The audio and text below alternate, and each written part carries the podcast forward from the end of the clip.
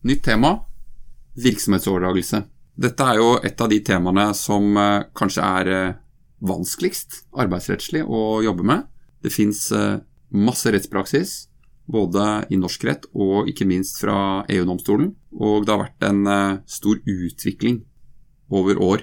Men hovedinnholdet i reglene er det vi skal snakke om i dag. Vi skal forsøke å ta fugleperspektivet og forklare kort hva er bakgrunnen for at vi har regler om virksomhetsoverdragelse i arbeidsmiljøloven. Hva er det de skal verne, og hva er grunnvilkårene i regelverket? Det er jo litt sånn fremmed eh, at eh, man skal måtte ha så detaljerte regler eh, for noe som omtales som en virksomhetsoverdragelse.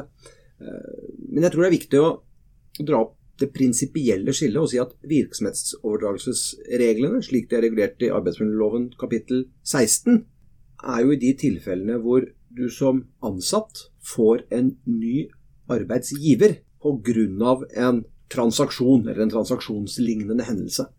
Det er utrolig viktig å klare å holde virksomhetsoverdragelsesreglene vekk fra de tilfellene hvor selskapet du er ansatt i, blir solgt, og det da er aksjene i selskapet, eller andelene, eller hvordan organisert de nå er, at det er det som skifter eier, men selskapet består, identiteten til arbeidsgiver består, da skjer det jo ingen endring i ansettelsesforholdet ditt som sådan.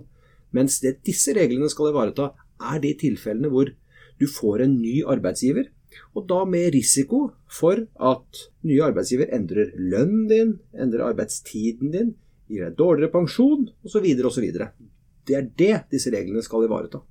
Og hvilke type transaksjonslignende tilfeller kan dette være? Det kan være så mangt, men det er jo gjerne sånn at uh, det kan komme en interessent som har lyst til å kjøpe en del av en virksomhet. La oss si at en virksomhet uh, driver produksjon. De produserer sjokolade. De produserer uh, pastiller, skal vi bruke det begrepet, og de produserer chips. Og så kommer det en annen produsent av chips og sier at chipsdelen din, den vil jeg ha. Den delen av virksomheten vil jeg ha. Da kommer det litt an på hvordan du har organisert. Mm. For hvis du da har organisert virksomheten din i at du har et selskap som heter Sjokolade AS, et selskap som heter Pastiller AS, og et selskap som heter Chips AS, så vil du si ja, men da selger jeg aksjene i Chips AS. Og så er det en aksjetransaksjon som ikke omfattes av virksomhetsoverdragelsesreglene. Men for jeg har den samme arbeidsgiveren, jeg har det samme organisasjonsnummeret som min arbeidsgiver. Men dersom alt dette er organisert i ett aksjeselskap, og du må da ta den ene enheten og selge den ut, og hvor de da får en ny arbeidsgiver inn i et nytt organisasjonsnummer, da får virksomhetsoverdragelsesreglene anvendelse. Og Hvordan kan det gjøres? Det kan jo gjøres ved at man bruker regler om fisjon. Det kan rett og slett være at du lager en avtale som vi kaller for en innmatstransaksjon. Du bare definerer hvilke deler av det selskapet du vil kjøpe, og river det løs på en måte. Og Det er to klassiske måter eh, hvor virksomhetsoverdragelsesreglene kommer til anmeldelse. Men du har også noen andre. Du har i de typiske outsourcingstilfellene, hvor eh, man f.eks. i en virksomhet bestemmer seg for at IT-avdelingen, som har hvor man sitter en fire, fem, seks ansatte som driver med IT-tjenester, det skal man ikke lenger ha internt. Det skal man kjøpe fra en av de store IT-leverandørene. Eh, men det er de samme oppgavene som skal utføres. Men det skal bare, man velger å sette det ut. Eh, hva skjer da med de ansatte på IT-avdelingen i selskapet som sitter igjen? Jo, de har jo på nærmere vilkår da rett til å være med over til den nye leverandøren av IT-tjenester. Det er kanskje mer spesielle tilfellene, men som allikevel Jeg vil ikke si det er spesielle, for det er ganske vanlig, men som kanskje er litt mer komplekse, er jo disse trepartsavtalene. Et sykehus har satt ut kantinetjenestene sine på anbud. Det har gått noen år, og de kjører en ny anbudskonkurranse, og en ny leverandør vinner den konkurransen. Da kan det faktisk være slik, også her på nærmere vilkår, at de ansatte i den gamle leverandøren har rett til å være med over til den nye leverandøren, selv om ikke det er noen avtale mellom gamle og ny leverandør. De er jo arge konkurrenter, til og med, for å vinne et anbud. Så kan man jo stille seg spørsmålet ja, men hvorfor trenger man et så detaljert regelverk? Hvorfor trenger man så mye praksis? Og hvorfor har det vært så mye utfordringer og rettslige problemstillinger knyttet til dette? Jo, jeg tror dels er det vanskelig grensegang for hva som er en virksomhetsoverdragelse eller ikke. Og det er eh, en, flere krav knyttet til det som det er masse rettspraksis og tolking rundt. Men jeg tror at dette en, en virksomhetsoverdragelse legger, altså blir veldig ofte gjort enten for at noen skal spare penger, eller for at noen skal tjene penger. Og en av måtene enten spare penger på eller tjene mer penger på, er jo nettopp å endre vilkårene til de ansatte. Eh, vi har jo sett en del virksomhetsoverdragelser fra det offentlige over til privat. Det har vært en privatisering. Man har solgt ut uh, forskjellige typer type servicetjenester som tidligere ble gjort av det offentlige, hvor uh, da de ansatte har fått dårligere vilkår. De har ikke kunnet være medlem av den offentlige tjenestepensjonen lenger. De har fått uh, dårligere pensjon. De har måttet få en dårligere turnus. og alt dette er jo da i den hensikt at ny arbeidsgiver skal kunne drive mer profitabelt, tjene mer penger, og på bekostning da av de ansatte.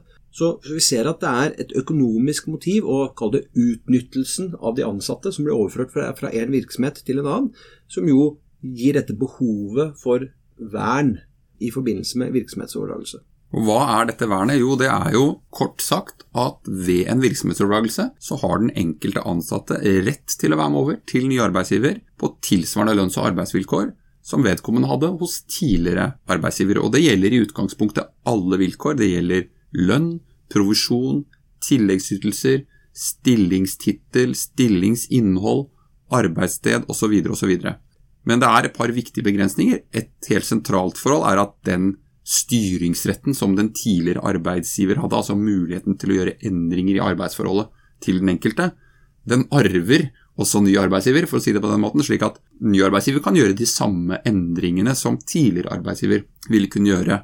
Og så er det to sentrale unntak i loven som vi skal si litt mer om. og Det ene er eh, pensjon, eh, hvor en ansatt må akseptere å gå inn på ny arbeidsgivers pensjonsordning, selv om den skulle være klart dårligere enn hos tidligere når det gjelder retten til videre opptjening. Og det andre er jo tariffavtale. Det er eh, slik at ny arbeidsgiver kan motsette seg å bli part i tariffavtalen som tidligere arbeidsgiver hadde. Og den tariffavtalen kan jo inneholde masse snacks når det gjelder lønns- og arbeidsvilkår. Og så er det noen regler som gir eh, rett til å beholde de vilkårene i en begrenset periode etter overføring.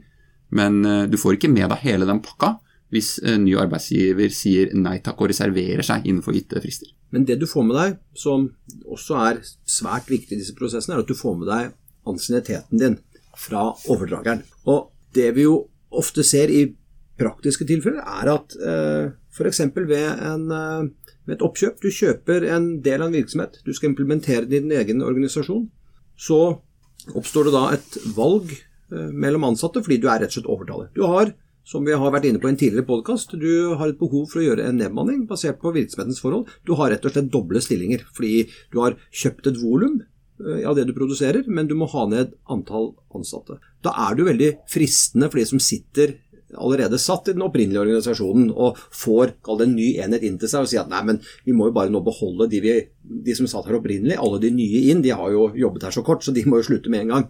Eh, det går dessverre ikke. Da må man gjøre en eh, full kartlegging, full kompetansekartlegging. De må vurderes på lik linje med de ansatte som satt der fra tidligere. Og der, i den type integrasjonsprosesser, så ser vi at uh, ofte arbeidsrettslig oppstår utfordringer.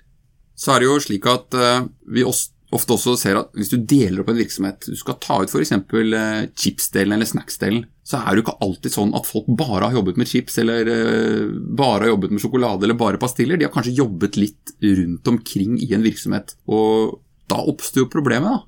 Tilhører den personen den eh, delen som skal overdras, eller tilhører den personen den delen som skal bli igjen? Og Det er en ganske vanskelig vurdering. og hvor hovedsporet er et, iallfall i norskhet, må kunne sies å være et sånt hovedtilknytningskriterium. Må vurdere om vedkommende har hatt sin hovedtilknytning til den virksomheten som går over, eller ikke. Uh, og i mange sammenhenger, hvis du tenker deg de rene støttefunksjonene som har jobbet administrativt eller med lønn eller annen type ting, så er det vanskelig å si at de hører hjemme et bestemt sted.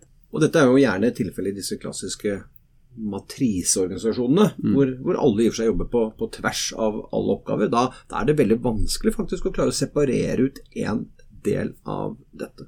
Så er det greit å vite merke i at dette med oppsigelse så Det står jo i loven at oppsigelse som er begrunnet eller skyldes virksomhetsoverdragelsen, ikke er gyldig. Men det er jo ikke til hinder for at du kan gjøre oppsigelser f.eks.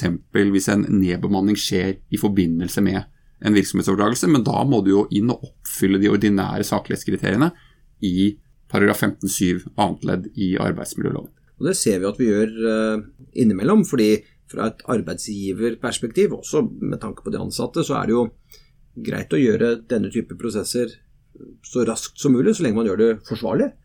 Hvis du først gjør en transaksjon, og så skal du bruke lang tid på transaksjonen, så skal du bruke lang tid på å implementere den, og først når du har fått implementert de, så skal du gå i gang med nedbemanning. Så det å gjøre dette i parallell er eh, ofte bedriftsøkonomisk og personalpolitisk en, en, god idé. Da må man bare passe på at man klarer å håndtere de to prosessene forskjellig, og at man oppfyller saksbehandlingsreglene og de formkravene som ligger i begge prosessene. Jeg tror jeg vi skal bruke litt mer tid eh, i eh, en annen podkast på å gå inn på vilkårene for når det foreligger virksomhetsoverdragelse. Det er eh, et av de mest interessante og spennende temaene i arbeidsretten, med mye interessant rettspraksis. Så vi skal ta det i detalj. Så foreløpig er det jo bare det å kanskje kort huske hovedvilkårene. At det må være en selvstendig økonomisk enhet, altså en virksomhet eller en del av en virksomhet hos én arbeidsgiver som overføres til en ny arbeidsgiver, og hvor den enheten som overføres, må bevare sin identitet etter overføring. Du må kunne identifisere eller kjenne igjen den delen hos den nye arbeidsgiveren. Og så er det disse vilkårene og disse tre grunnkravene hvor det finnes en rekke praksis, en, masse praksis, en rekke dommer, som vi skal ta for oss litt mer i detalj etter hvert.